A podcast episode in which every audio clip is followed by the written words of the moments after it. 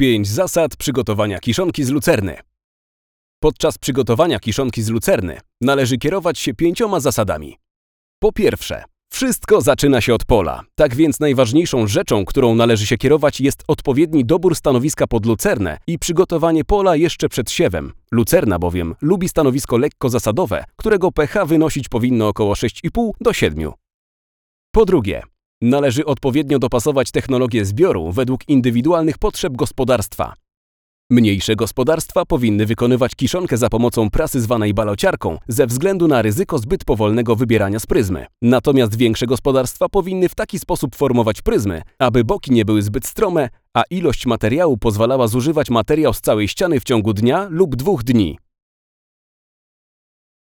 Po trzecie, aby uzyskać kiszonkę o wysokiej wartości pokarmowej, należy określić odpowiedni termin koszenia. Lucerna w zależności od warunków pogodowych rośnie wolniej niż trawy siewne. Ważne jest, aby zebrać ją w fazie początku pączkowania, nie mylić z pełnią kwitnienia. Gdy na polu pojawiają się pojedyncze kwiatki, to znak, że należy ją kosić. Bardzo duże znaczenie na jakość naszej kiszonki ma czas podsuszania. Jest on zależny od warunków pogodowych, jakie panują podczas zbiorów. W przypadku lucerny zbyt mocne podsuszenie może skutkować odpadaniem listków od łodygi, a co za tym idzie straty w białku, bowiem to właśnie w liściach ma swoje źródło. Natomiast zbiór mokrej lucerny wiąże się z jej nadmiernym zanieczyszczeniem piaskiem bądź ziemią, co zaś może spowodować wzmożone działanie bakterii beztlenowych Clostridia i w efekcie końcowym zgnicie kiszonki.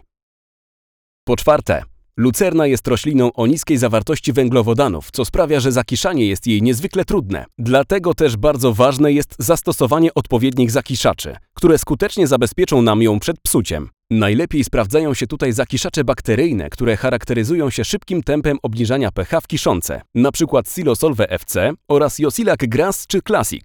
Dodatkowym wsparciem może być dodatek melasy, który stanowi pożywkę dla bakterii i ułatwi im tym samym wytwarzanie odpowiedniej ilości kwasów. Po piąte, odpowiednie ubicie i szczelne okrycie są ostatnim etapem, na który trzeba w sposób szczególny zwrócić uwagę podczas sporządzania każdej kiszonki.